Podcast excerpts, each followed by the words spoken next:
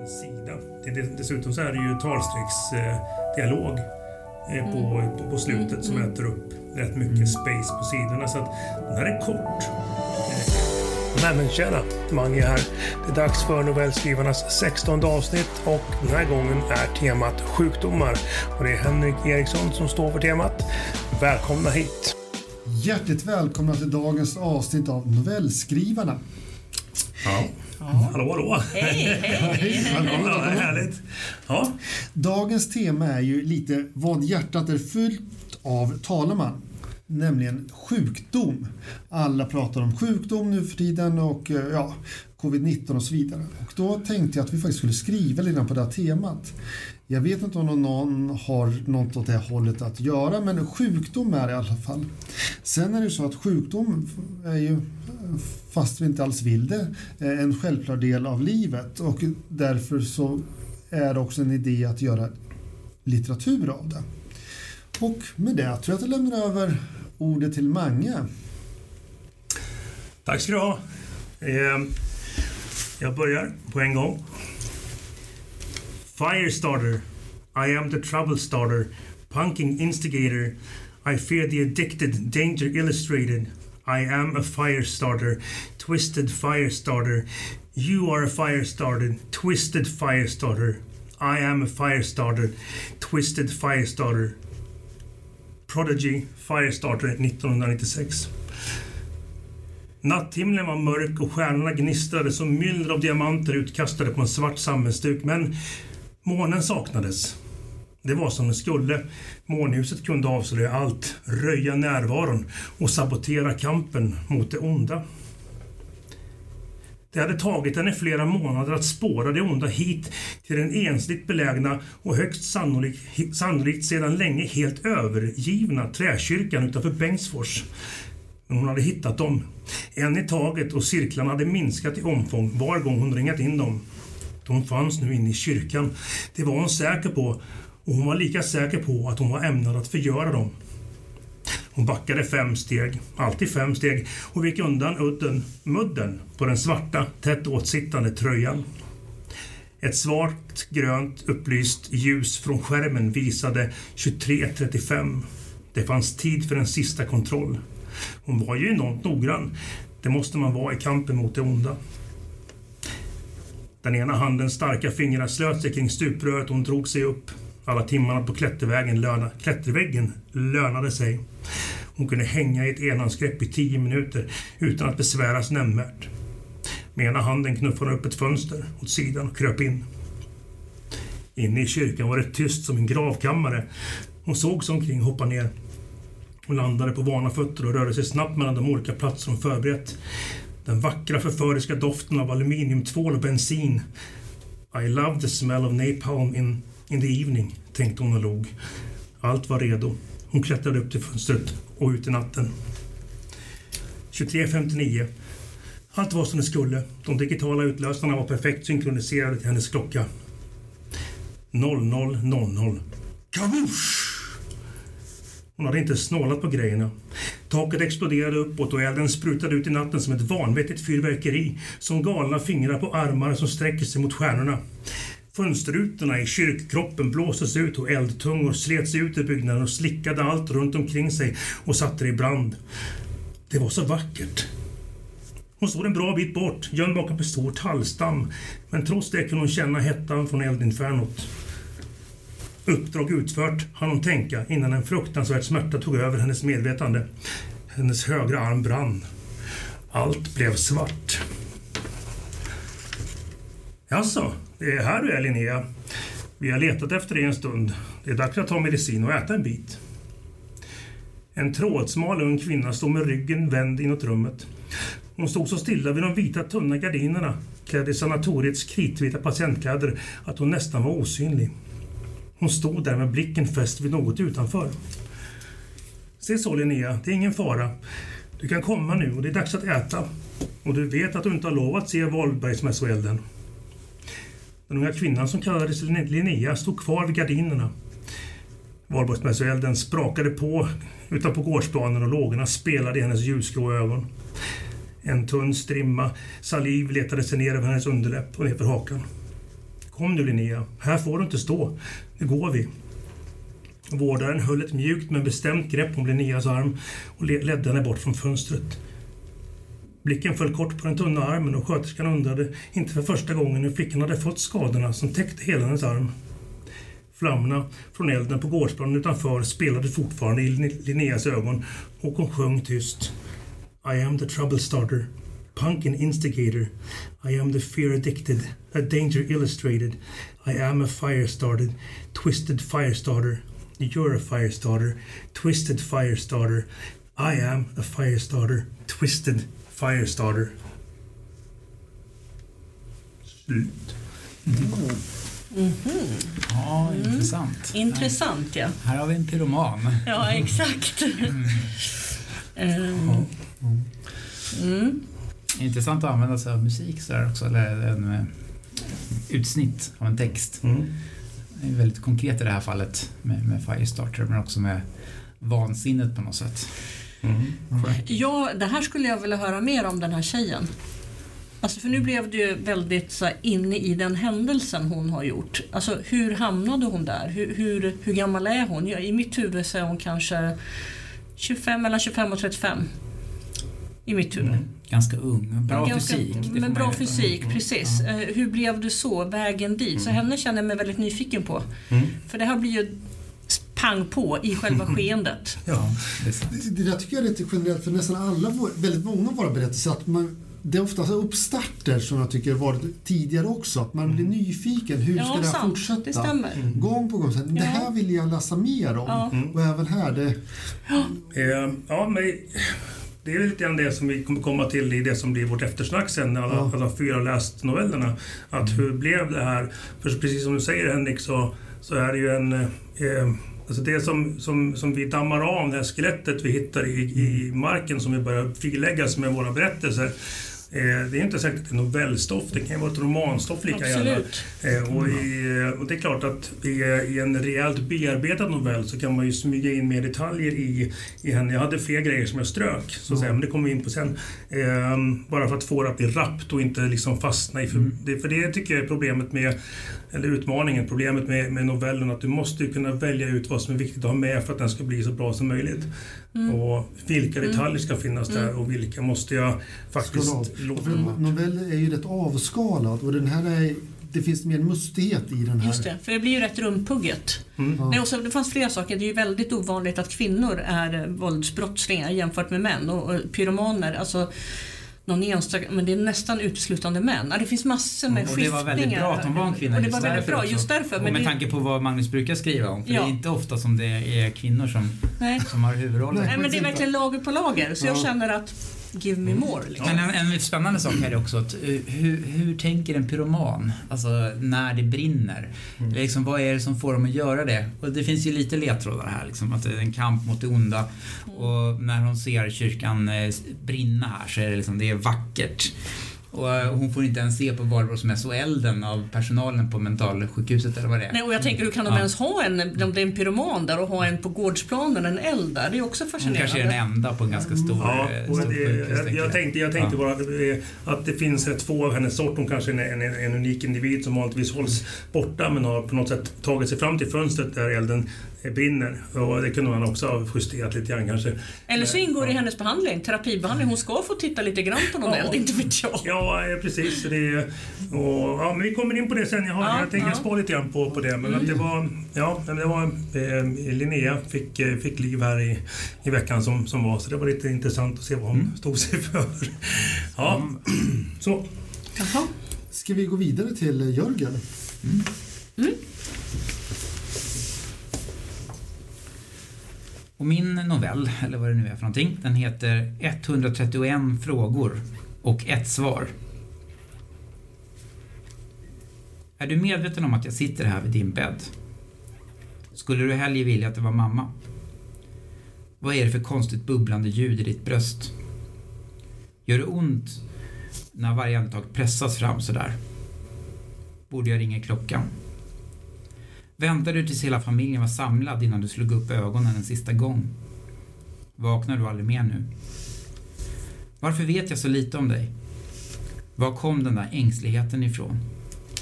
Var det någon som reste dina väggar? Eller reste du dem helt själv? Var det otryggheten hemma med bråk och en far som drack? Var det att din mor dog tidigt i en för dig känslig ålder? Blev du mobbad i skolan? Var du inte gjord för att ha familj? Var det att du blev arbetslös, ratad av samhället? Var det den nya tekniken som svepte bort din bransch? Svepte den också bort din självkänsla? Men vad vet jag egentligen om ditt liv innan du fick mig? Kanske var du en helt annan man då? Varför är det så långt mellan dina andetag? Borde jag ringa i klockan? Varför frågade jag aldrig det där jag ville fråga dig? Vill jag verkligen höra svaren? Hade du bara vänt dig bort, låtsas att du inte förstod? Försvinner du nu med nycklarna till vem du var, till vem jag är? Gör det ont? Vad händer i din kropp just nu? Hur kan man veta så lite om någon som funnits så nära? Varför minns jag bara små ögonblick, obetydliga detaljer? Varför minns jag hur du kom hem med chokladpastiller på fredagarna? Varför minns jag hur du stod och rökte under fläkten? Varför minns jag hur du snarkade framför TVn? Varför har jag inte andra, vackrare minnen? Minns jag hur du alltid var där och ändå aldrig riktigt var där? Eller är det en efterhandskonstruktion? Men visst minns jag också humorn som glimtade fram ibland. Visst minns jag väl värmen som alltid fanns hos dig? Tryggheten som du trots allt utstrålade? Är det i trådarna jag inte får ihop som sanningen gömmer sig? Finns det egentligen någon sanning? Vad vet vi egentligen om varandra, trots att vi går alldeles bredvid? Är vi alla främlingar för varandra? Känner jag ens mina egna barn? Känner jag ens mig själv? Ska det verkligen vara så här långt mellan andetagen? Kommer min egen son en gång sitta så här vid min bädd? Kommer han veta lika lite om mig som jag vet om dig? Kan jag berätta vem jag är för honom utan att ljuga? Vet jag ens själv? Varför kommer de inte fast jag har ringt i klockan? Hur känns det att dö? Gör det ont? Är du rädd? Ser du mig när jag sitter här och inte gråter? Ser du mig fast dina ögon är slutna? Skulle du vilja att jag grät? Ångrar du något? Nu när inget längre går att ändra på, är du ändå hyfsat nöjd med hur det blev? Eller finns det sidor av dig som skriker in i det sista? Skriker, varför fick vi aldrig komma ut? Är varje människa en samlingsplats för det som aldrig blev?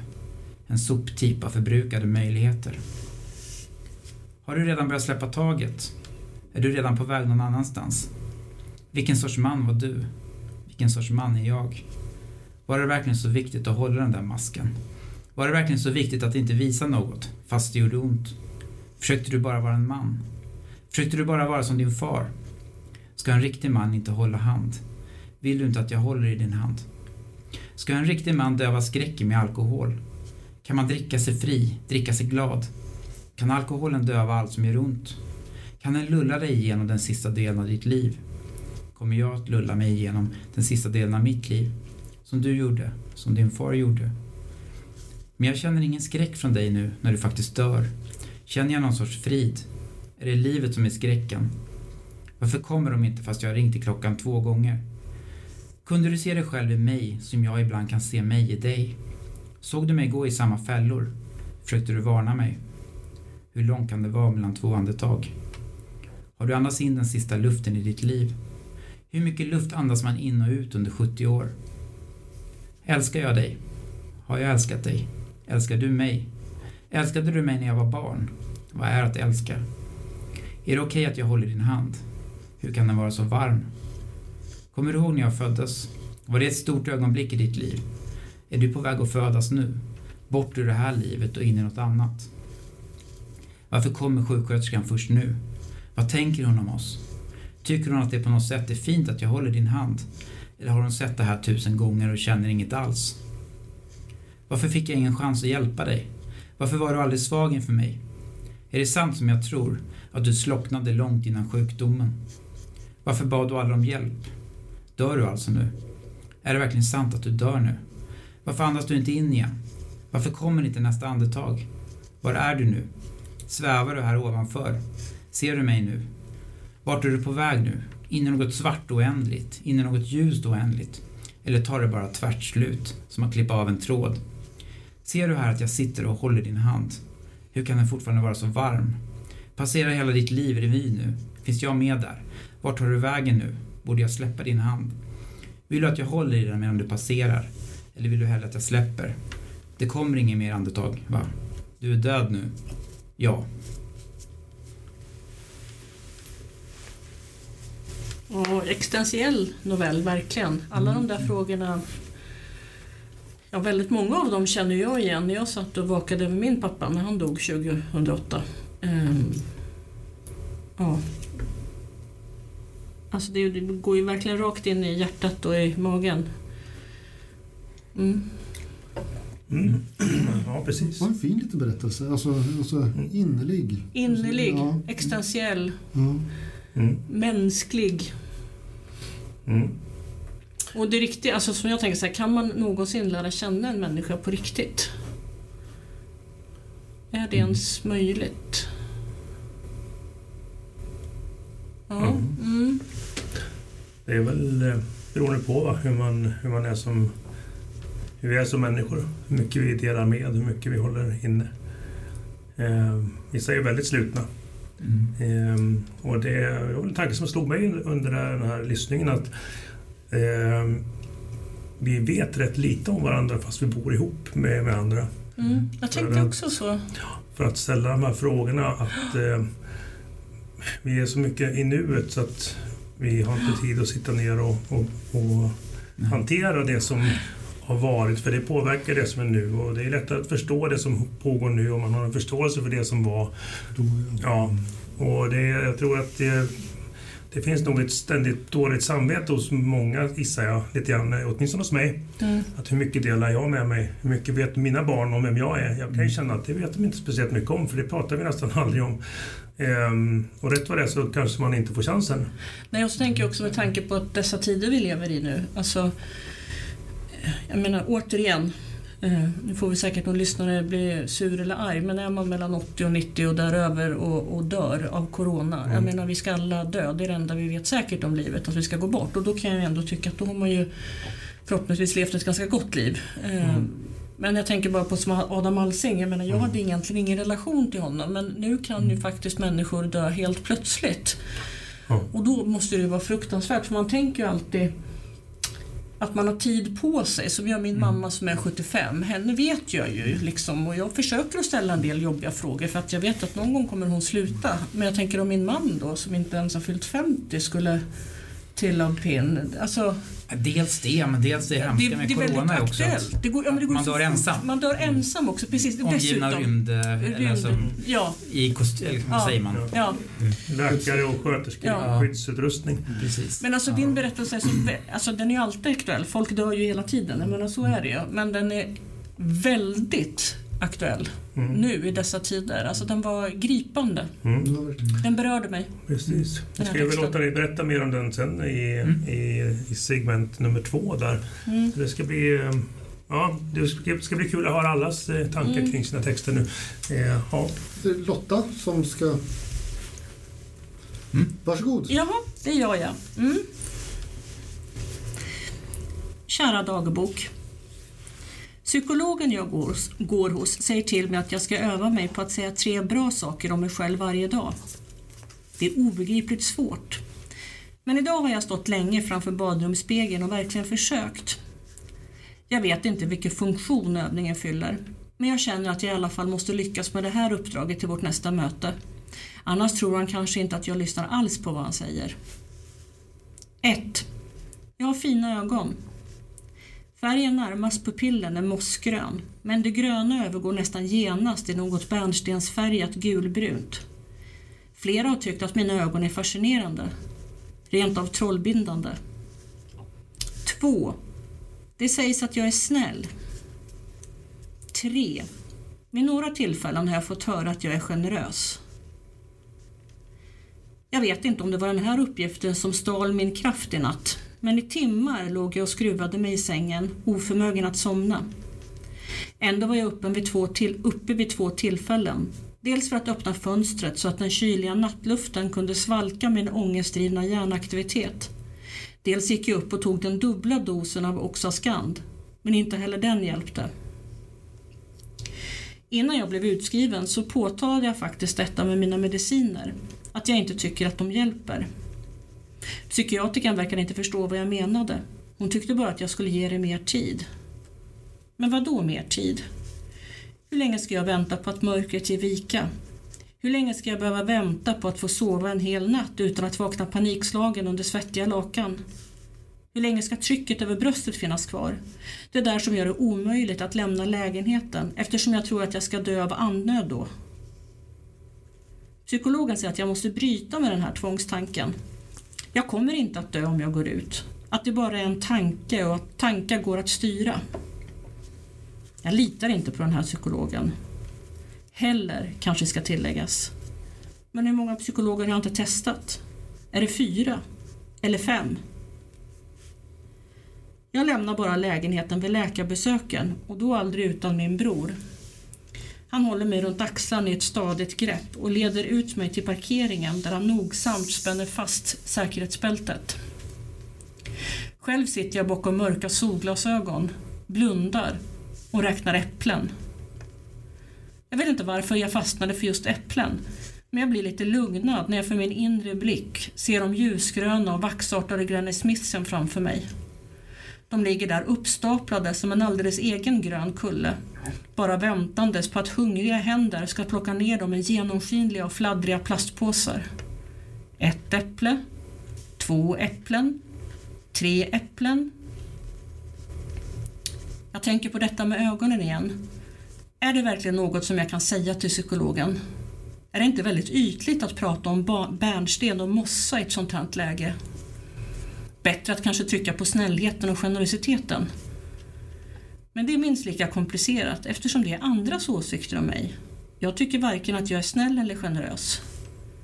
Hur kan man till exempel anses vara snäll när man under hela uppväxten har slagit och terroriserat sin lillebror? Jag var knappast en god förebild för honom, som ett äldre syskon borde vara. Och vad innebär att vara generös? Ärligt talat, innebär det att man delar sin godispåse? Eller att man hälsar på gamla släktingar och hjälper andra? Om det är det första som det innebär så kanske jag skulle hålla med om epitetet generös. Jag har aldrig haft några problem med att ge bort mitt godis eftersom jag aldrig har tyckt om det söta och kladdiga. Men om vi pratar om att hjälpa andra så är jag motsatsen till generös.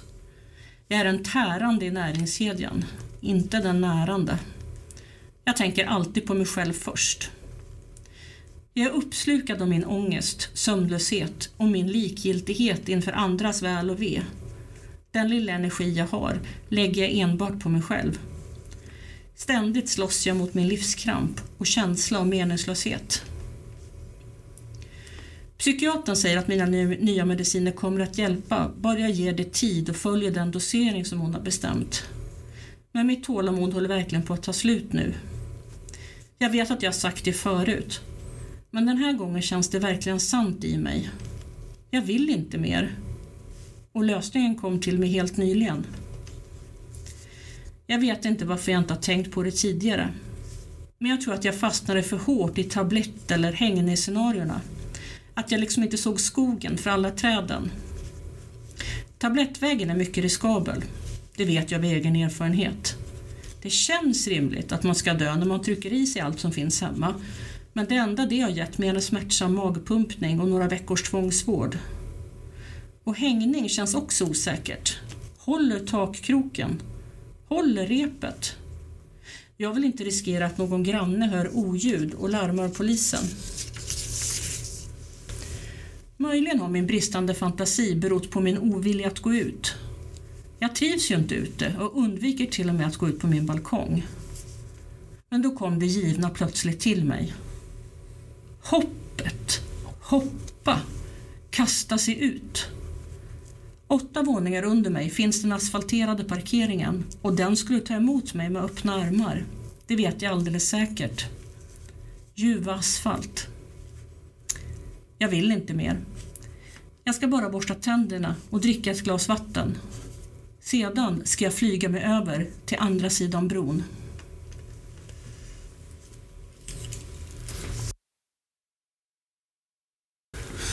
Psykisk ohälsa, mm. verkligen. Och det är ju ett folkhälsoproblem. Liksom. Mm. Ja, tyvärr så är det ju... Ja, alltså, bara depression liksom är kanske den största orsaken till självmord. Ja. Och därför är den farligaste, bland de farligaste sjukdomarna som Absolut. finns. Det tänker man kanske inte alltid på. Men det blir tydligt i den här berättelsen. Alla tabletterna som inte fungerar, för en del fungerar inte medicinen och Mm. tvångstankarna. Mm. Tabubelagd sjukdom fortfarande, även om man har börjat titta på det lite mer. Ja. För den här personen verkar ha en väldigt komplex sjukdomsbild mm, Mm. faktiskt. Så att, ja, Torgskräck och ja. eh, ja, eh, vad heter det? Eh, att lita på, alltså förtroendekriser mot, mot allt egentligen. Inte, inte lita på, stöta ifrån sig och allt det här. Självskadebeteende Mm. verkar finnas i det också. Så, vänder allt mot sig själv. Liksom. Ja. Man förstår ju psykologen som vill att de ska ta upp alltså, bra saker om sig själv. Men hon tror ju inte på det själv heller riktigt. Och sen känns det ändå som att det, det är en ganska bra relation hon har till sin bror. Att han är en viktig person där. Jag ser det som en ganska fin relation. Är det en hon? Ja, det tänker jag att det är. Det, det vet jag inte varför jag tänker. Jag tänkte också att det var en hon faktiskt. Ja, Fast i mitt huvud så var det faktiskt två bröder. ja men det Men det spelar ju absolut Nej, nej, ingen som nej, helst roll. Men det är lite roligt för när jag läste upp den här hemma så trodde mina familjemedlemmar att det var en hon. Men jag tänker att hon, eller han då kanske, eh, till och med på slutet här svartar ner relationen till bron, till, till brodern liksom. Att, det, att jag var inte snäll mot honom heller liksom. Inte ens det finns. Inte en sten. Och det kanske var det som har hållit henne kvar. Eller jag säger Ja, det igen. spelar ingen som helst roll. Ja. Och man förstår kanske också den här frustrationen hos psykologen lite grann. Här, Ja. så, men du är en bra person. Berätta de här tre sakerna så, så du ser det vi andra ser. Så att säga. Det, ja. ja. Mm. Nu är det ju upphovsmästaren själv till temat som ska läsa. Mm. Ja. Vi är tillbaka på 1300-talet. Paradise Lost och denna Guds åker. Sven andas tungt och kistan sänks. Hans piga dog i samma ålder som hans ungdomskärlek Maria. Det svindlande att tänka på det. Det hade också vi haft vissa likheter. Kanske var det därför han varit lite extra snäll med henne och haft mer överseende än annars skulle haft. Sven har också sett till att graven grävs djupt nog och med en fin utsikt. Graven kommer däremot inte att markeras med något kors. Solveig är bara en faster som är efterlevande släkting i socknen och hon kan knappast ombesörja sådana ting. Hon har fullt upp med sitt. När skovlarna med grus och jord med ett smattrande träffar kistlocket flimrar för ögonen och syner kommer framför honom. En liten vit kyrka. Det sägs att ingen människa kan känna sig riktigt hemma förrän har någon med älskare i jorden där de bor. Han hade aldrig besökt kyrkogården där Maria är begravd. Han var inte ens på hennes begravning. Han hade inte pratat ett ord om henne från den dag hon tog sitt sista andetag. Allt har han dolt sitt hjärta, tvingat sig själv att förhärdas. Några gånger var det att ta, redo att ta upp det med de där biktfäder som praktiserat i hans liv. Natt efter natt har han däremot sett hennes kista sänkas ner i den grav som han inte fick se i verkligheten.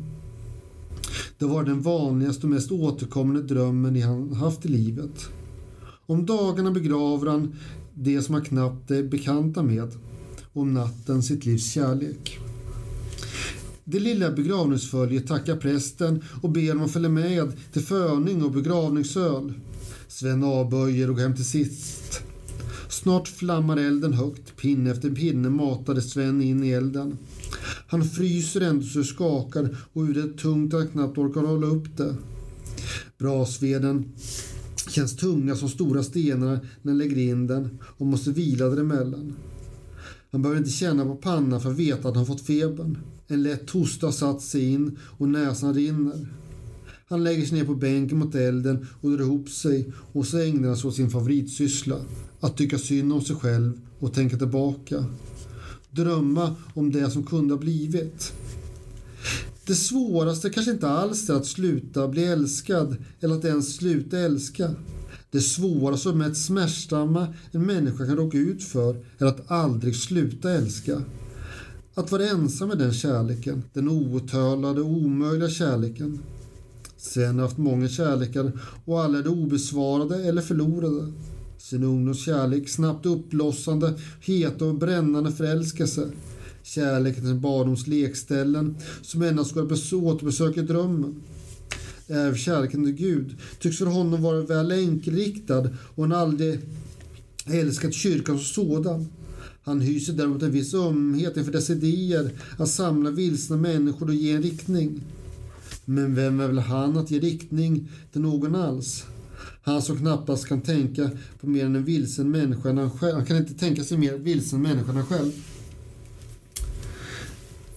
Sen finns hans kärlek till konst, berättande och musik.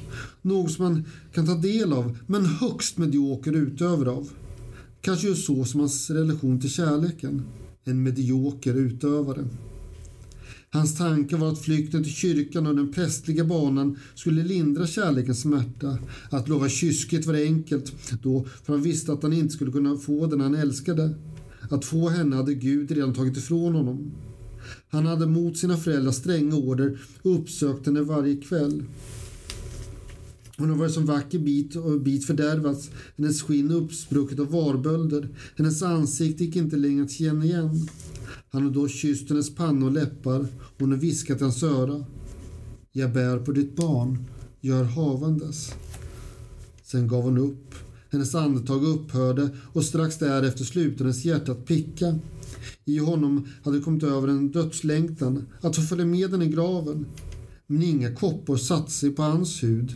Sjukdomen vek undan honom, som Gud inte ens ville göra honom den tjänsten. Det är ändå säreget att han är den är mest arg och förbannad på, den som har satt att tjäna sitt, i sitt liv, Gud. Svens käresta hade dött under den, först, under den första och inte alls så stora våg av pest. Då hade den inte alls spritt sig särskilt mycket och det såg sett inte fler som dog då än normalt. Nu är det annorlunda. Det är inte bara kyrkbänken som gapar tomt. Byarna börjar tömmas, åkrarna ligger för fäfot och skyggar undan för varandra. Sven känner själv nästan likgiltigheten för detta. Han har ingen familj som kan tas ifrån honom. Pesten är ett besvär. Gravar hinner knappt grävas och det som grävs blir allt grundare än det skulle vara. Det var den sak med de små kistorna. Den sak som ingen kan stå ut med. Barn ska begrava sina föräldrar, inte tvärtom. Än, men ändå är de små kistorna lika vanliga som de stora. Och det är det som är så outhärdligt. Han själv drabbas ju också såklart av sjukdomar, som den förkylningen han har nu. Han vet att febern kommer att ha lagt sig till morgonen. Frossan hänger aldrig kvar länge hos honom. Kroppen tar strid mot sjukdomen och besegrar den. Aldrig att den tar honom, som den tar så tar så många att förlora. Som sagt, Gud har en märklig humor. Natten igenom ligger han som en halvslummer. Då och då vaknar han till av att han är törstig och han dricker en skopa vatten och lägger in mer eld. Ögonen heta och det är lite ont när elden flammar upp så han blundar och lägger sig igen. Djuren får vänta ett tag innan de får vatten och hö. Men Sven kan inte ignorera bräkandet och råmet hur länge som helst.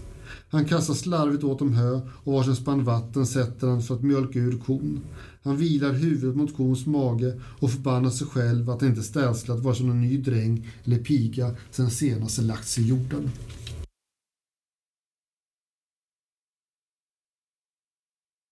Pesten härjar.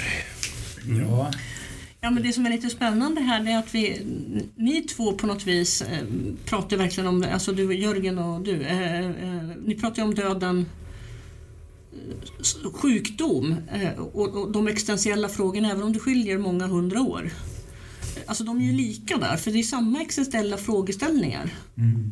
Det är nog tidlöst det där. Eh, Ja, de är tidlösa. Och så tänker jag att vi pratar om psykisk sjukdom och det är också tidlöst. Alltså det har ju alltid funnits psykisk sjukdom. Eh, Men vi angriper det här tycker jag på lite olika sätt. Eh, Och det är klart att det, ja, men det är spännande. Men ert är mer liksom, era berättelser går, det är verkligen de, i döden av sjukdom eller ålderdom. Vårt är ju liksom psykisk sjukdom eller psykisk ohälsa. Alltså, jag vet inte riktigt vad jag är ute efter. Nej, men... men, Men alltså, det är ju olika aspekter på det hela. Och, och som sagt, psykisk sjukdom är en av de mest dödliga sjukdomar som finns. Så är det. eh, Faktiskt. Det, som vi var inne på tidigare tänker man inte på, men det, det är en nog så dödlig sjukdom som ja, kanske inte fullt som pesten. Men Ja, mm. Det är spännande med Corona här Ja, också. men det är precis med din berättelse. säga. Tyvärr kan man ju säga. Men ja, Den har ju blivit ännu mer aktuell på något sätt. Alltså, man går ju tillbaka nu och tittar på pesten och på spanska sjukan och de här och jämför med dem. Så att applicera den här tiden blir ju ännu mer ja spännande. till vår tid som inte fanns förut. riktigt. och just det att som här Sven här, han berörs inte av, av pesten för han är immun. Ja, Ja. Eh, och- eller kanske bara blir lindrigt sjuk och samma med Corona. En del blir, märker inte ens av det och en del Mm. blir så vansinnigt sjuka.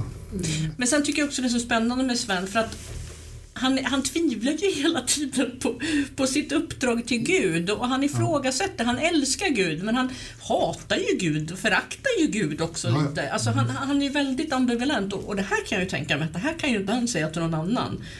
Nej, nej. Det här måste han ju hålla inom sig för det skulle ju vara förfärligt om han sa det att han tvivlar Mm. på Guds uppdrag och han har älskat en kvinna men då är han ju ingen god kristen och god präst överhuvudtaget så han lever ju farligt i sitt eget huvud på något vis. Det, det, det, han är en man som i- genom sitt liv lever väldigt farligt. Mm. Så att säga. Eh, Så han är ju väldigt spännande och komplex. Ja, För att han resonerar ju ändå med sig själv och, och sitt tvivel och på den här tiden då fick man ju inte uttrycka den typen av tvivel. Då var, då, då, då, då, sen, sen kom ju häxbränning, ja, men då var man ju liksom satans hantlangare. Men likväl måste ju tvivlen ha funnits. Naturligtvis, Ja. naturligtvis, självklart. Men han är ju spännande. Ja. Just därför, på den tiden. Idag om man hör en präst säga, ja men jag har haft en period av tvivel. Han blir mänsklig på det Ja sättet. men det blir mänskligt, men idag skulle man nästan tycka att det vore konstigt om en präst kanske inte har... Haft perioder. Precis, Men här finns också i Bibeln Thomas tvivlaren. sant. Så det finns ju vissa Visst, visst. öppningar för det. Visst, Ja. visst. Ja, som en sann bibelälskande samhällsmedborgare. Nej, skämt åsido. Nej, men det 1300-talet var ju klurigt. För de som var med präster och så vidare var ju också ofta, vad jag förstått som också den, den personen i bygd som också var medicinskt kunnig. Man var ju också ett, ett, ett släkte som strök med i pesten för att man tvingades ta hand om de sjuka. Och det fanns inget Google, det fanns inga sociala medier. Man visste inte vad man hade att göra med. Det var ingen som talade om för dem att det var visst råttorna från, eh, från skeppen som tog hit pesten. Det har man ju löst i efterhand. Fast- allt, allt det här har ju liksom... Fast man, fast man Ja. misste ändå mer än man trodde. Man började med utomhusgudstjänster till exempel. Att man satt inte inne i kyrkan utan man tog ut dem för att man Mm. förstod ändå att Fast det kanske berodde på lukten också. stanken kyrkan. Visst? Ja. Nej, men det, Nej, jag det, vet det, inte. det jag tänker på är att jag menar, idag så kan man ju trots all vår teknik inte göra rimliga jämförelser med, mellan sjuk och dödstal för att man inte redogör dem på samma sätt Nej. eller på liknande sätt. Inte ens inom riket så vet man Nej. hur gör de där? Har de lyckats att, att notera vem som dör av vad? Hur är det med alla som har dött i tystnad på ålderdomshem och sådär? Det gör ju att eh, för 700 år sedan så visste de om det var Mm. en, socker som blev decimerad till 80 procent så visste de inte då 10 mil västerut för att de hade ingen kontakt med dem. man såg bara att Det kom byarna, folk. byarna tömdes. Ja, det kom, var inga folk på gatan om man nu tycker det så. Nej. Nej, precis. eh, En bra detalj här är också att när hon, eh, Maria dör här väldigt tidigt när pesten uppträder Mm. först så, så liksom, det, det är också en lik, li, likhet med vår tid med Corona. Man vet ingenting först. Eller liksom. Vi fick rapporter från Kina men man kanske inte trodde att det skulle komma hit riktigt. Och Men sen man förstod plötsligt så är det här, man mitt i elden. Det var, Nej, I början när kom corona var det, var det så konstigt. Jag vet att jag, jag förstod inte riktigt. Nej. Det här låter som en snuva, en förkylning. Det kan inte vara så farligt. Nej. För att det lät så nästan på de första rapporterna. Och sen förstår man, oj, och det är samma med pesten. Det kommer som smygandes och som... ja. Nej, men och så kan väl jag känna med eh, faktiskt med covid-19 att ehm, ehm, jag är faktiskt inte orolig egentligen men om man uttrycker det så här, och jag har ju blivit mer orolig ju längre tiden har gått för att det är precis som du säger, det är inte så enkelt, det är ju mycket mer komplext än vad man tror. Och jag tycker att ju, ju längre tiden går och ju fler rapporter och man ser och vetenskapsmän och läkare uttalar sig, det finns väldigt mycket frågetecken fortfarande. Eh, så- om man uttrycker så, jag har ju blivit lite mer orolig allt eftersom tiden har gått. Mm. Men om jag ska gå tillbaka till din berättelse här så tycker jag att, att eh, den här kärlekshistorien som, som ligger i botten är, är fin också. Ändå. Alltså den här Maria som har dött och som bar hans barn. Och att han fortfarande känner så starkt inför Mm. henne. Eller det finns något fint i det också. Det finns någonting nästan så att det besegrar döden. Så starka känslor liksom att fast hon är borta så länge så Alltså han känner lika starkt fortfarande på något sätt. Och det, Och det- tycker jag är lite såhär fuck you till döden. Ja, saker. det, det som han själv säger att det är hans förbannelse. Ja, jo. Men hur länge sedan, det uppfattar jag inte riktigt i, i, i tid hur lång tid det gått sedan hon dog. Det, för det kan inte vara länge sedan utan det måste ju handla om i närtid eller? Ja, jag vet nog faktiskt inte riktigt. Nej. Det, det, det är saker som inte riktigt är bestämda. Det blir ju som man skriver att saker och ting Mm. Poppar upp och det bestäms inte riktigt. Och Nej. Ibland så blir det så oj, det här hände. Jag var inte riktigt, visste inte om att det där skulle hade hänt. För jag tänkte att det var länge sedan, men det kanske inte Jo, det, jag tror att det är Ja. länge sedan. Jag, Ja, för också- jag, jag, tror att det att det är för, 10-15 år sedan här i alla fall. men har Ja, jag skulle nog känna och, och, och, och pesten, Ja, fort, 10-15. och pesten härjar fortfarande. Det kommer ju vågor. Den gjorde ju det jättemånga år efter. Typ Ja. hundra år efter. Ja. jag För jag, för jag, jag tänker ju, eh, som, som lyssnare på det så känner jag att för att på något sätt få ett, ett levande EKG i berättelsen Ja. så skulle jag ju, och det är ju väldigt subjektivt, så det här är ju min upplevelse. Jag skulle ju få en mer, en, en mer starkare läsupplevelse om hennes sjukdomsförlopp var levande i berättelsen och inte bara en anekdot. Att hennes eh, lidande... gestaltades. Ja, att, hennes, att hon svullnar upp och att hon, att, att hon får de här grejerna medan han då är så nära henne men, men klarar sig så att det blir liksom ett... Ja, Mm. det, det skulle vara för 10, 10 alltså är, är det så långt ifrån känner jag, då blir jag så jä- jävla ointresserad av, av det. Det är liksom så länge, det är så gammalt. Eh, men så är jag. Jag vill ha mer, Ja, mer här och nu. Vi, vi får se vad jag gör av det. Det är, Ja. det är inte självklart. Nej. Det är inte säkert att det kommer kvar sen i den längre berättelsen. Så det, Min, min berättelse som eh, tog form ganska snart efter att eh, Henrik där hade förklarat vad temat skulle vara. Det var att jag, jag ville ha någon människa som eh, eh, sjuk i huvudet. Alltså som har en mental, en, en brusten eh, sinnes, sinnebild liksom, som inte, inte ser världen som alla andra. Jag vill inte skriva om cancersjuka, jag vill inte skriva om folk som dör i eh, sjukdomar och sådär. Det kände jag att det, var, det hade jag inte lust med där då. Liksom. Det har varit för mycket sånt runt omkring. Så jag ville ha något annat. Så jag eh, skrev inledningen ganska snabbt. Jag ville ha en ung kvinna i huvudrollen. En person, inga fler. Eh, och jag ville att hon skulle ha någon typ av eh, vanföreställning. Och jag, hon skulle elda upp någonting, det hade jag bestämt. Hon skulle ha en pyroman. Eh, Jag hade inte bestämt vad hon skulle elda upp. Men jag fick tanken att, ja men eh, maktstrukturer är ju sånt som vi gärna attackerar. Och kyrkan är ju en, en maktstruktur, en, ett stort monument över ett, en väldigt stark makt under lång tid. Då. Så tänkte jag att min huvudperson ska på något sätt eh, elda upp en kyrka. Men sen visste inte jag varför. För det, när jag började skriva så var inte det alls klart. Jag, jag skrev och, och jag lät henne vara namnlös. Hon hade inget namn. Och eh, det, jag bestämde mig tidigt för att hon skulle vara lämpad för att, att hålla på på det viset. En manisk människa, vältränad. Eh, möjligtvis kanske att hon har gjort eh, militärtjänstgöring, att hon är liksom duktig. Hon har liksom sin, sin klocka med den gröna ur den här eh, boetten som lyser starkt mot eh, som visar siffror och sådär som är ganska high tech. Eh, och att hon sen kan hon visade ju när hon klättrar upp på kyrkan. Hon, hon, inga, hon bara går fram och kastar sig upp. Eh, och sen hon inne i den. Va? Eh, och att det är liksom ingenting. Och en, en kort liten eh, eh, anekdot där att hon har tränat klättring och att hon kan hänga i tio minuter i ena handen och sådär. Eh, och det gjorde ett val. Jag skriver inte mer om det. Det får inte handla om hennes träningsläger inför det här. Det är inte det det handlar om. Och då, då sket jag i att skriva om det. Det fick inte handla om hennes eh, klättervägsövningar utan hon skulle in i kyrkan och kolla så att grejerna funkade. Jag gjorde en kort research på hur man gör napalm och det är aluminium, tvål och bensin. Eh, fick jag reda på. Och jag ville ha någonting som brinner och så in i helvete. Och som man inte kan släcka liksom. Och så när det väl exploderar så, så är det ju en enorm förödelse. Det brinner tills det är slut på, på bränsle mer eller mindre. Eh, och att hon sen också blir skadad där innan det byter till eh, det, det, nästa del i berättelsen som är när vi träffar på den här unga kvinnan Linnea då, som hon fick heta, hade jag inte en aning om, men det var tydligen hennes namn.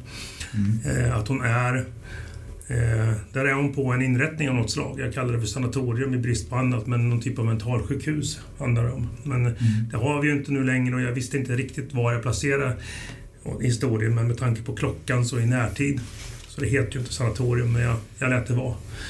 Eh, så då tänkte jag att det där... Och så, jag brottades med, med hur fan ska jag få in... Jag vill ju att det ska finnas... Det som är inledningen på berättelsen ska ju vara också... Var det på riktigt? För det vet vi ändå inte.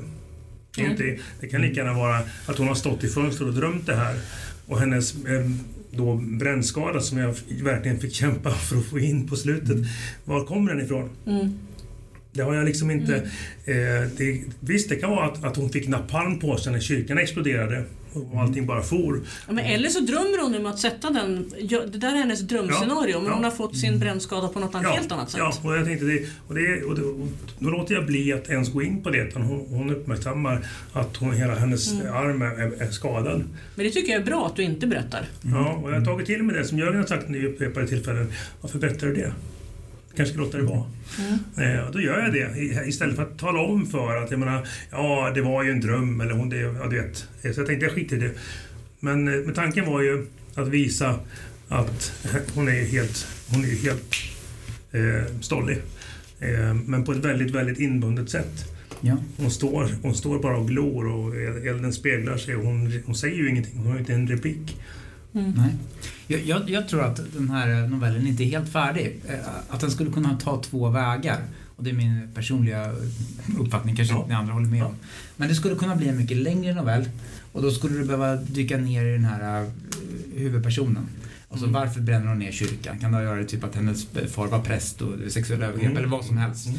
Det skulle vara en väg. Då skulle den bli bra mycket längre. Oh, ja. Den, den, andra vägen som, som jag ser det, som jag tycker är mycket mer intressant egentligen och som du är liksom nära redan nu men, men skulle kunna skärpas till ännu mer. Det är nästan att det är hennes eh, pyromani som är, är huvudpersonen. Alltså själva elden och vad, vad väcker det inom henne när det brinner? Alltså det är ju nästan som poesi på något sätt. Liksom. Det, det, är inte bara som för vem som helst som ser en brasa utan en, en pyroman Hon kan ju nästan se elden som en vän, den bästa ja, vännen. Precis, mm. precis. Så du är lite inne på det. Ja, och det skulle man kunna spetsa ännu mer tror jag. Mm, mm. Och då skulle den kunna vara så här kort. Mm. Men det är nästan det som är huvudpersonen mer än henne. Mm. Mm. Ja, för när jag lyssnade då kände jag att det var väldigt luststyrt. Att hon liksom mm. älskar elden. Nästan sexuellt Ja, ja precis. Mm. Hon, hon, vill mer. Alltså, mm. Och ju mer, det brinner, ju mer hon ser att det brinner, det blir ännu mer brinner. Att liksom, mm. Det är en, ett begär. Mm. Och det är ju så pyromaner. Ja. Mm. Och, och då kanske är inne, som du inte säger Jörgen, att undersök elden i pyroman pyromanin på det. Så det... Mm. Kan det både vara så här sexuellt och det kan vara poesi. Mm. Liksom, mm. Att hon, alltså elden är så mycket för henne. Men det, det är därför jag tycker att det här avsnittet kommer att bli långt. Det jag tänkte när jag, när jag skrev att jag, jag ser ju varje stycke ser jag ju vägar framåt i att skriva mer på. För de är, om man tittar på själva texten så är de kanske fyra och en halv, fem rader per stycke. Kanske någon är till och med ännu kortare. Och det är ju det att det, ju, det, det, skulle kunna växa på. Varje stycke kunna bli dubbelt så långt eller det skulle kunna bli mer ingående. Eh, men när jag, i och med att jag då inte har den produktionssituationen eh, där jag sitter och, och gör bearbetningarna i, i, under liksom tio sittningar eller kanske flera timmar. Då blir det ju så svårt, tycker jag för min del, att göra det på ett bra sätt. Jag, jag satt och tog bort saker ur det för att, ja okej, okay, här förklarar jag för mig själv vad det är jag vill berätta. Bort med det. Eh, för det tycker jag det är, det är ett kännetecken som, som mm. på ogenom, ogenomtänkt text. Att mm. det står saker där som troligtvis är för skribenten själv för att komma ihåg vad jag berättar. Men det är ju kill your darlings hela tiden. Ja, mm. ta bort det. För att, eh, hon klättrade snabbt upp för kyrkans vägg för att hon var väldigt stark i armarna. Hon hade spenderat mycket tid på gymmet och hon gjorde många... Okej, okay, bra. Bort med det. Mm. Låt, låt henne vara stark. Mm. Och, och sen låt kanske läsaren tänka, varför det? Ja, hon kan klättra bra. Ja, man fattar ju att hon inte är född med starka nypor. Nej, utan... och klättrar man, klättrar man bra så har man tränat på det. Mm. Och är det en viktig del i berättelsen då kan man väl gott och väl låta det vara... En egen scen. Ja, att, att hon klättrar upp, att hon kanske liksom blir hängandes i, och sådär. Och att det är någon fara för hennes liv och sådär. Nej, Men eh, nej, jag strök, eh, strök allt sånt och valde när jag skrev att den, var ju, den blev ju en sida och kanske en halv, men då var det tillsammans med Prodigy eh, låttexterna där som jag hade som inledning och avslutning. Så det här är ju knappt en sida. Det, det, dessutom så är det ju talstrecksdialog eh, eh, på, Mm. på, på slutet Mm, som mm. äter upp rätt mycket Mm. space på sidorna. Så att den här är kort. Eh, jävligt kort, skulle jag säga. Det är inte ens en A4 i, i, i ren text. Det vill säga 350 ord, gissar jag. Inte en full A4 på något sätt. Så jag håller med dig, det Jörgen, att det här skulle jag lätt kunna Mm. proppa in mer och, göra, och berätta mer. Men ja, just där då hade jag inget mer att säga. Det var bara... Ja, men det här är ju lätt det mest självbiografiska som jag har eh, delat med mig av till den här novellskrivargruppen kan man ju säga. Det, det är ju bara löjligt att påstå någonting annat. Men min, min pappa gick ju bort här för eh, lite drygt två år sedan. Och det var ju bara jag som var, var med honom på slutet. Jag satt ju där när han gick bort för, för det, alltså min mamma och min bror trodde det skulle dröja ett tag. Men jag hade nog en känsla hela tiden att man, hon ska nog inte vara ensam under natten här för han var väldigt sjuk på slutet. Det var bara en fråga om när. Men vi kanske trodde när var en vecka. Men det var ju några timmar det handlade om. Var det cancer? Det var cancer Mm. som i alla fall var, ja, som orsakade dödsorsaken kan man Mm. säga. Mm. Sen gick allting gick så fortare än någon trodde liksom. Läkarna var hela tiden lite mer positiva än, än, vad som var verkligheten så att säga. Men det, det här är ju mina alltså, tankar som jag har försökt återskapa som, som när jag satt där. Så det är bara strömmar tankar genom huvudet som båda är stort och, och, och litet. Så där, och mycket blir ju som ni har varit inne på existentiellt också. Eh, och jag väl ändå kom fram till att det var ett ganska vackert ögonblick i mitt liv det här. Eller att det var inte alls tungt och svårt på något sätt. Och jag har blivit mycket mindre rädd för döden efteråt. Ehm, så att det, det, jag vet inte om det kommer fram i just den här berättelsen men just att sitta där och hålla hans hand när han gick bort. Eh, jag tror aldrig jag har varit så nära honom någonsin i hela livet sen, som, som där på något sätt. Han vaknade ju ett par timmar innan han dog eh, När fortfarande min brorsa och mamma var där. Då vaknade han och mamma kunde prata lite med honom. Och, han, eh, och jag var inte där just då för jag åt middag eh, på en restaurang i närheten. Och han väntade tills jag kom. Eh, såg till att hålla sig vaken fast det säkert var ganska svårt. Och då blev det liksom som att efter det så gled han in i sömnen och det förstod vi ju inte då men det var liksom det var ju sista, sista gången. Och han hade säkert väntat till att jag skulle komma dit för att familjen skulle vara samlad. Så jag tror efter det så tror jag han släppte väldigt mycket. Sen var det kroppen som kämpade på mer än han själv gjorde. Så det är kanske så jag kände de sista timmarna att, att det var mycket mitt förhållande till honom. Det handlade mycket om mig också. Liksom. Eh, Men såklart var det kanske viktigt för honom att någon var kvar där. Det är också det här med corona och dö ensam. Vissa vill ju dö har jag förstått. Men andra vill ju inte det. Och han var ju en väldigt sådär sluten och privat människa. Så också det här med att sitta och hålla handen. Vad skulle han ha tyckt om det liksom? För det skulle ju aldrig någonsin vara någonting jag hade gjort när han var mindre sjuk. Det, hade, det gör man inte med pappa liksom så. så det, ja, det var mycket de tankarna som satte igång det. Har du skrivit om det förut? Har du använt dig av den här energin till eh, tidigare? Ja, jag har skrivit två dikter faktiskt. En av dikterna står i minnesboken på pappas begravning. Så den stod där så att alla kunde liksom titta i den. Ja. Den är lite utgångspunkt till den här texten också på Ja, något sätt. för det jag fiskar efter lite grann är att eh, är det här, alltså det här är ju jävligt stort. Eh, Alltså känslomässigt. Eh, en are- arena för känslor. Men när, vad kändes det här som någon typ av bearbetningsprocess när du skrev den här novellen? Ja, jag kanske gjorde det ändå. Kanske ännu mer än dikterna jag skrev ganska tätt efter. Jag tror man nu har hunnit bearbeta det liksom lite grann. Mm. Men jag tror ju ändå att det är en, en sån här, som jag också var inne på, tidlös, urtypisk situation liksom. Vid någons dödsbädd som gör att det ändå kan bli allmängiltigt fast man skriver väldigt Mm. personligt. Ja, för det, nej, men det är ju medvetande ström på något sätt du skriver. Ja. Ja, Ja, men det tänkte jag på. Lite stream of consciousness. ja, att, det, att det blir de här, alltså, eh, eh, det hackar fram att eh, de här frågorna kommer. De svaras aldrig. Det är som 131 frågor och ett svar. Va? Mm, mm. Att de kommer, men de svaras ju inte för det är ju en envägskommunikation med en människa som ligger tyst och stilla. Så det, det var också en bra effekt. Det enda svaret man får är att hjärtat faktiskt slutar slå Ja. och sjuksköterskan har kollat pulsen som inte längre finns. Det är ett svar som är att han är faktiskt död. Mm. Men det är ju enda, enda svaret. Ja. När, när kom beslutet för att eh, ta den här vägen i, den här, i det här temat? Ja, det är intressant för jag hade en helt annan tanke först. Mm. Som lite mer liknande Henriks där. Liksom att jag skulle, jag försökte, tänkte jag skulle mm, väva ihop tre stycken människor som ligger på sin dödsbädd. Alltså under pesten, under spanska sjukan och under corona. Mm. Eh, Vad fick det, dig att byta spår då?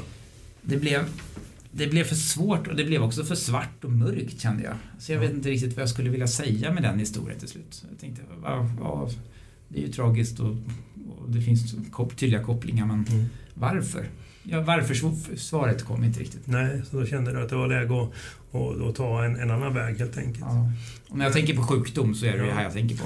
Det är så färskt fortfarande. Men hur, eh, hur kändes det att sitta där och skriva, och skriva det här? Hur, hur, hur var din koppling till eh, när du såg orden dyka fram på, i dokumentet? Det kan vara olika om du skriver om något helt fiktivt som jag gjorde här. Jag har ingen Linnea som har tänt, på kyrkor och sådär. Det är fullkomligt frigjort. Jag hade inga känslor gentemot henne. Så. Men här har du ju ändå en otroligt stark koppling. Ja. Det kom ganska sådär lätt ändå. Och jag skulle ju kunna, lätt, lätt kunna byta ut många av de här frågorna eller ha fem sidor med frågor. Liksom. Så det går säkert att bearbeta mycket den här. Men det, det kom ganska naturligt. Mm. Eh, vad, vad jag tänkte då när jag skulle välja det här temat, jag, alltså dels hade jag ju liksom pappas berättelse eh, och sen hade jag Corona, det var det första som kom till mig. Men jag kände inte för att ta någonting av det. Eh, så jag kände att nej, då blir det psykisk ohälsa. Eh, och det finns ju naturligtvis vissa självupplevda saker i den här berättelsen också. För jag, jag, jag har gått väldigt mycket terapi genom åren. Eh, olika sorter testat massor med psykologer och KBT och psykoterapi och jag vet inte alla möjliga varianter. Ehm, eh, Så jag känner igen det där att brottas med sina inre demoner. Eh, Det känner jag väl igen. Eh, Och jag tycker att det blir lite lättare för varje dag jag blir äldre. Jag är glad varje år jag fyller år. Men liksom, jag brukar säga det medan som vi är en tonåring hemma, så alla de här existentiella frågorna. Så livet är inte lätt men för min del har livets hetsighet och alla de här frågorna, hysterin, rädslorna, har blivit, jag har blivit lugnare genom åren. Så för mig så är ju det här en person som är klart yngre än vad jag är, kanske 25-30 års åldern. Mm. Det Eh. kände man nog. Så, ehm, så för mig så kändes det, när jag valde bort liksom Corona och den här egna upplevelsen av min fars bortgång så kände jag att det var psykisk ohälsa, det blev naturligt för mig. Man vet ju inte riktigt i din berättelse ändå om, om han här kommer göra det. Eller hur? Den slutar ju inte med, den slutar med att, att han har bestämt sig. Men, men Mm. eh, inte med själva handlingen. Nej, Så det finns ju en, en öppning där att, att det händer någonting. Liksom. Eh, Eller att någon kan övertyga honom eller att han kommer på andra tankar och sådär. Kanske. tycker ändå det, det lilla ljuset där tycker jag ändå är, är lite skönt. Ja. ja. Det känns ju inte så. Det känns ju som att beslutet är stenfast. Men Mm. Mm. Nej men, men så känner jag, men jag tycker det är bra att du lyssnar på det. så, Men jag känner att de som lyssnar här, att det finns ju verkligen hopp att eh, eh, det går att få hjälp och, och även om det är nattsvart just nu, så det där just nu, det varar inte hela tiden. För just nu går över. Alltså man måste våga möta just nu för att det kommer ett sen. Precis, jag har ju haft, också haft, eh, alltså haft problem med sånt här i mitt liv tidigare. Mm. Sådär. Och när man är mitt i det, då är det ju verkligen, Nattsvart. ja men då är allt det ju. Mm. Det kommer aldrig ta slut liksom. Nej. Det här är en evighet, det är liksom hundra år av eh, Mm. den här fasan liksom. Men det är precis som du säger så är det ju inte. Det vet man ju med, med facit i hand efteråt att det här är också en fas liksom. Och det tycker jag också Ja. att jag, om det finns unga människor som lyssnar nu att Återigen, det här vet man ju inte. Psykisk ohälsa kan ju slå till, jag menar när man blir gammal också. Men alltså jag känner, jag har ju klarat av vissa tunga perioder och det finns ett hopp att även om jag kommer dit igen så att jag är inte lika rädd för livet så som jag var tidigare. Så att, eh, ja. Så det var väl så jag valde mitt tema. Mm. Då så, med temaskaparen Henrik. Ja, precis. Jag är inne för att jag... Det här är ett längre skrivprojekt jag håller på med. Eh, om 1300-talet och egentligen hur det kom sig att man började bygga kyrk, jättedyra stenkyrkor runt om i landsbygden. Och då vill jag undersöka lite vem den här Sven är, som en kaplan, alltså hjälppräst. Och, och sjukdomen bara sett, vem är han? Alltså, det är ett undersökande, eh, skulle jag säga. Hur han tänker, vad han utsätts för och det vardagliga livet på 1300-talet. Som vi var inne på tidigare också, att det skil, sjukdom då som nu är ju samma lika. Eh, tvivlet då som nu, samma lika. Ensamheten, Mm. kärleken, eh, förlorad kärlek. Mm.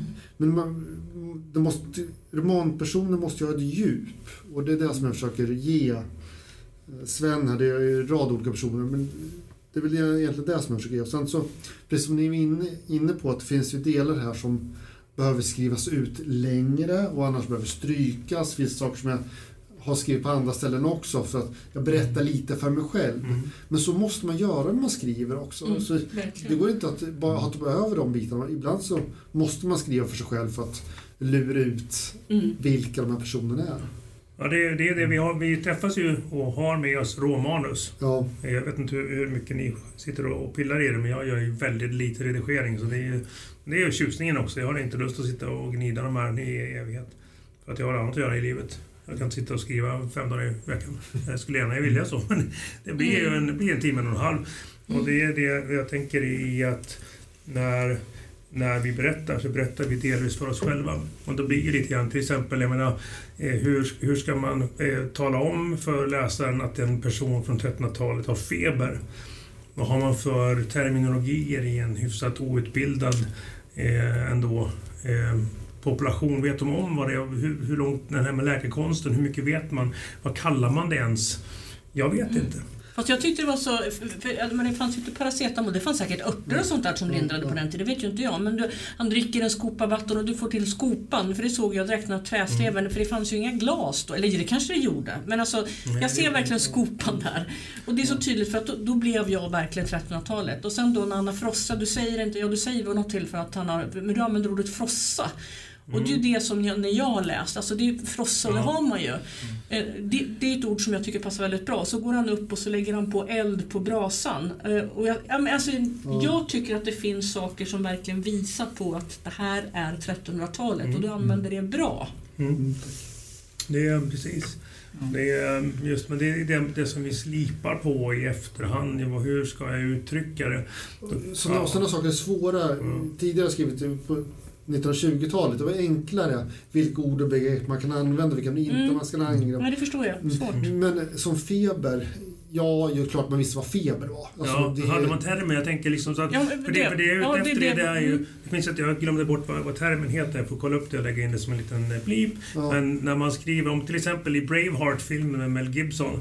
När det är någon i hans följe som råkar ha ett digitalur på armen och sträcker ut och man ser att han har någon typ av klocka. Det heter någonting. Eh, när, man, när det inte är synkat med tiden man är i. Ja. Ja, det finns ett ord för det. Jag kommer inte på det nu. Jag kanske får googla det sen. Mm, Eh, För det betyder ja. att om man, om man moderniserar till en grad att man använder sig av termer som rimligtvis inte eh, fanns där och då, då tappar jag magin. Så är det. Och, men det här måste man Men fanns termen feber? Vet du det? Nej, det vet jag faktiskt inte. Nej. Men, men det kan vi säga att ja, även om det inte fanns så är jag nog beredd att använda det ändå. Ja, för det funkar ju. Ja. Men, men just frossa där, det, det blev ju, Ja. det, det, det är ju väldigt bra. Man måste också komma in på berättarperspektiv Ja, här. ja. Alltså, det, det är, berättaren här kanske inte är från 1300 och 50-talet utan det, det, Nej, det, kanske är... Alltså det, ofta är det ju så i böcker Mm. som handlar om historisk tid. Att, att det, det, kanske är okej att använda lite mer moderna begrepp för att Mm. alltså berättaren är någon annan än, än de som är med Ja. i berättelsen så att säga. Och det är kanske också en grej med att man kan koppla de här historiska berättelserna till vår nutid. Att det finns en poäng i det också. För att överbrygga gapet liksom mellan. Ja, Men det är en intressant diskussion. Jag ja jag, menar. jag, jag, jag tänker att man kan gestalta bort Mm. de termer som är Mm. är historiskt inkorrekta. Till exempel att man säger, eller, eller till exempel att man jag får ju tankar, för det är det som är bra när jag lyssnar på alla. Jag får idéer och funderingar vad det gäller eh, sitta vid sin förälders dödsbädd eller om det handlar om att man sitter och funderar över sin egen existens som i, din berättelse Lotta, att man jag orkar inte med det här, jag, jag kommer gå ur tiden nu. Eller om det i mitt fall är en, en, en människa som är trasig i huvudet och som gör dumma saker. Då väcker det ju tankar och idéer. Och jag tänker 1300-tal, då tänker jag ett otroligt outvecklat Sverige. Vi har precis eh, börjat skriva eh, svenska på latinska alfabetet. Vi har precis börjat att, att eh, faktiskt, vi har vänt på de flesta runstenarna. De ligger upp och ner nu och är oftast inte sällan trappsteg in till kyrkor och så vidare. Va? Vi är ju en jävligt grumlig historisk epok där Sverige börjar enas som, som rike. För det har inte funnits något Sverige innan rent historiskt. Det har varit Alltså, Sverige blir ju Sverige i början på 30-talet. Ja, eller hur? Ja, och då, då tänker jag att eh, jag ser ju att så fort man kommer ut i, i vällingen, så att säga, i, i spinaten, så är det ju, då är det ju inavlat, det är mm. fullkomligt funktions hindrat. Det finns, ingen, det finns inget styrs, ingen styr. Man, man har barn med, sin, med sina, med sina syskon och det är en otroligt märklig svensk mylla att finnas i. Var någonstans finns den här kaplanen och här man bygger kyrkorna? Jag, jag får tänk, tanken liksom, vem är det som tar besluten? Är det de tyska köpmännen som har kommit till Sverige? Eh, som jobbar med att bygga kyrkor. Det, var det, ju, det var det ju städerna, men inte ja. på landsbygden. Nej. Och det är det här som jag försöker ska, eller ska försöka undersöka i ja, den här romanen.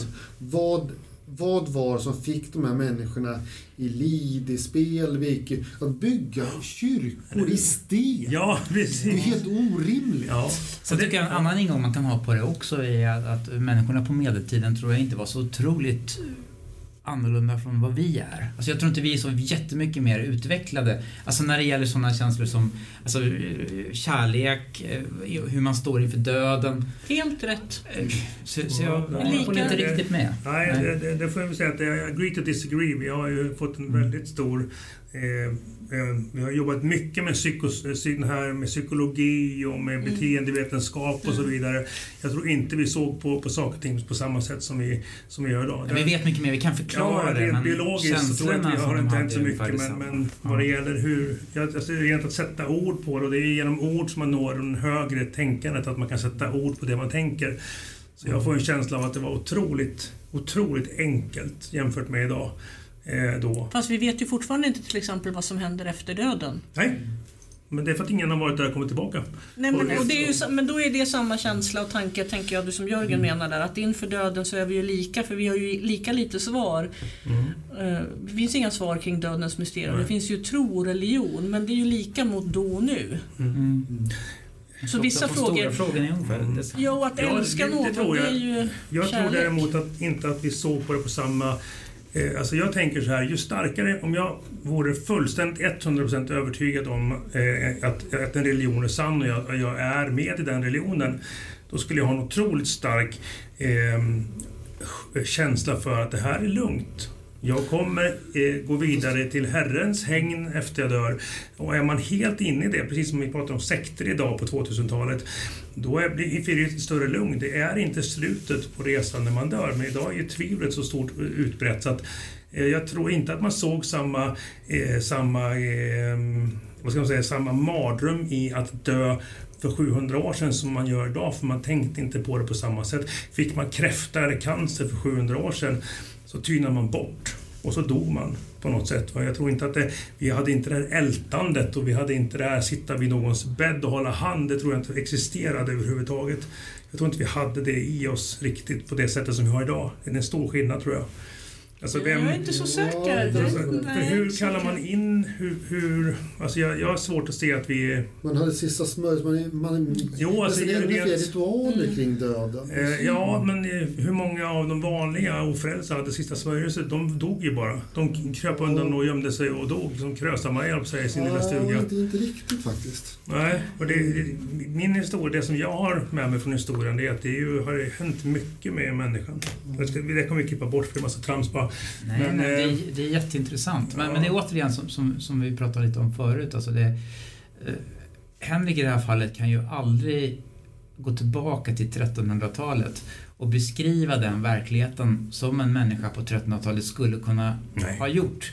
Men det är ju inte heller poängen här. Nej. Alltså, då skulle ju också, om vi nu sa att du kunde resa i tiden och göra just det då tror jag att en sån historia inte skulle gett oss någonting alls. Det skulle blivit för stor för klyfta mellan, mellan vår tid och deras tid. Utan, det, utan här är ju berättelsen att brygga över. Den här är ju tolkad från vår tid. Ja, det är ju 1300-talet tolkad av dig från vår tid till deras tid. Och, sen, och det är ju inget problem med det känner jag, utan så Ja, men så måste det vara. Ja. Eller hur? Den biten har jag inga problem med. Det, det gör ju också att jag kan se, som Lotta säger här, med, med skopan som tas. Det är inte Mm. det är glas... glas eh, vi hade inga glasbruk på 1300-talet. Det var ingen som hade... Jo, det hade vi det? Ja, det Jag vet inte, men inte fan hade man i, i, i, Nej, i, i spenaten fanns det inte jävel som tog fram ett dricksglas det och i- Det, det finns i, på Nyköpingshus finns det gott glas. keramik, tänker jag också. Keramik och glas. Fast är det från start? Ja. För att Nyköpingshus har ju är från väldigt länge. 1100-talet och 1000-talet.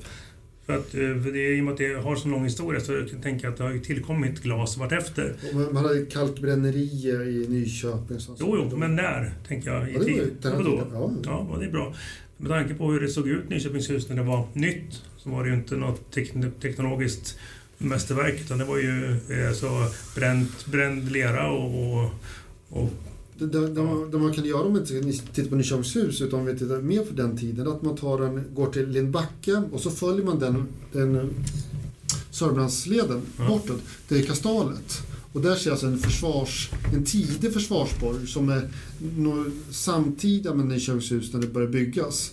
Som också är längs Kileån där. ja. Och det är ju ett fantastiskt eh, byggnadsverk Mm. på, på sin tid. När började det bygga nya? 1200-talet? Ja, sånt där. Mm.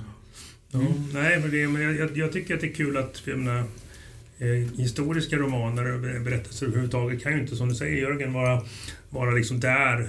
För att det var ju en verklighet som är så otroligt väsensfrämmande från våran nu. Så skulle man göra en exakt avbild och lyfta fram den så skulle man inte förstå hur det ens gick till. För att man hade så otroligt olika bevekelsegrunder för allt man gjorde där och då. Eh, Så att det är inte, det är inte översättningsbart till 2000-talet på något sätt. Det måste ju filtreras genom våra ögon och då är ju feber kan man använda. Men frossa, som Lotta säger, funkar ju lika bra. För det är det man får när, när febern kommer, så då förstår man ju att karln är sjuk. Ehm, och sådär. Så det, men det är sånt där man slipar fram, tänker jag. Att man tänker, hur, kan, kan, min, kan hon den där kvinnan som kommer in i, i, huset eh, uttrycka sig på det här sättet? Hon säger det här, men vänta nu, okej. Hon bör nog inte säga det här för att det var otroligt Nej, men det är ju Ja, viktigt där att ha det med sig också. sånt där som man ser. Och det Jag tycker det är väldigt eh, roligt att vi inte är överens för en gångs skull. Ja, men alltså, Det det- mer sånt i den här podden. Ja, men jag, jag, tycker, jag tycker det är så jävla skönt att, att när det väcker tankar, då har, man ju, då har vi lyckats. När det inte Absolut. väcker någonting, då är det ju menlöst. Liksom.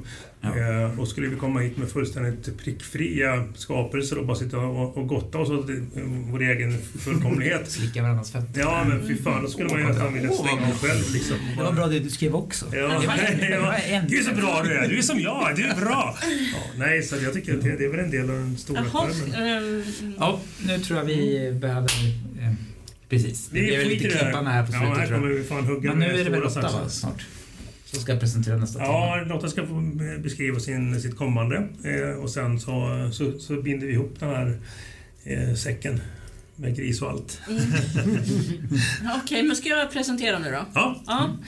Ehm, ja, nästa gång vi träffas då är det ju jag som eh, bestämmer temat. Och nästa, jag fortsätter på mina dödssynder och den kommande dödssynden för nästa gång är frosseri. Och då eh, finns det några restriktioner. Ja, jag säger så här att det är så himla lätt att tänka på julbordet, alltså frossa kring mat. Mat kan absolut finnas med, men inte det här klassiska eh, och man käkade så mycket och så fick man en hjärtinfarkt av julbordet. Alltså liksom, jag tycker det blir lite klyschigt. Frosseri kan alltså vara i känslor, i eh, upplevelser, inte vet jag.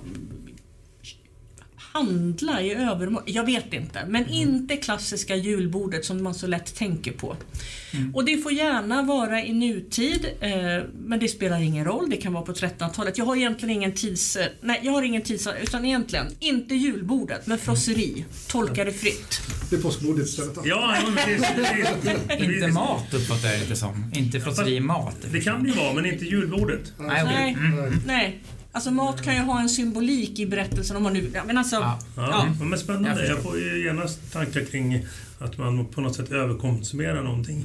Man frossar i, i Ja, någonting. det är det som är tanken. Ja, att det liksom är...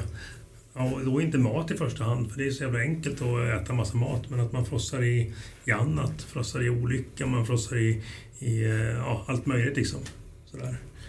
Ni har förstått poängen? Ja, ja. Det har jag förstått. Bra. Ja, nej men eh, med- med det sagt så, så ska vi väl kanske Henrik få leda ut här eh, alldeles strax. Stänga att, butiken. ja, Stäng butiken Ja, Henrik. jag vill tacka för ett eh, gott värv. Fyra intressanta berättelser tycker jag om sjukdom. Var friska där ute. Stay safe. Härligt. Härligt. Eh, då tackar vi väl då och stänger butiken. Ja. Ja, grymt. Tack. Hej! Hej! Hej Du har lyssnat på novellskrivarnas 16 avsnitt om sjukdomar. Medverkande i det här avsnittet är Henrik Eriksson, Jörgen Eidebrandt, Lotta Fagerholm och jag själv, Mange Edgarsson. Vi ses om ett tag och då handlar det om frosseri. Tja!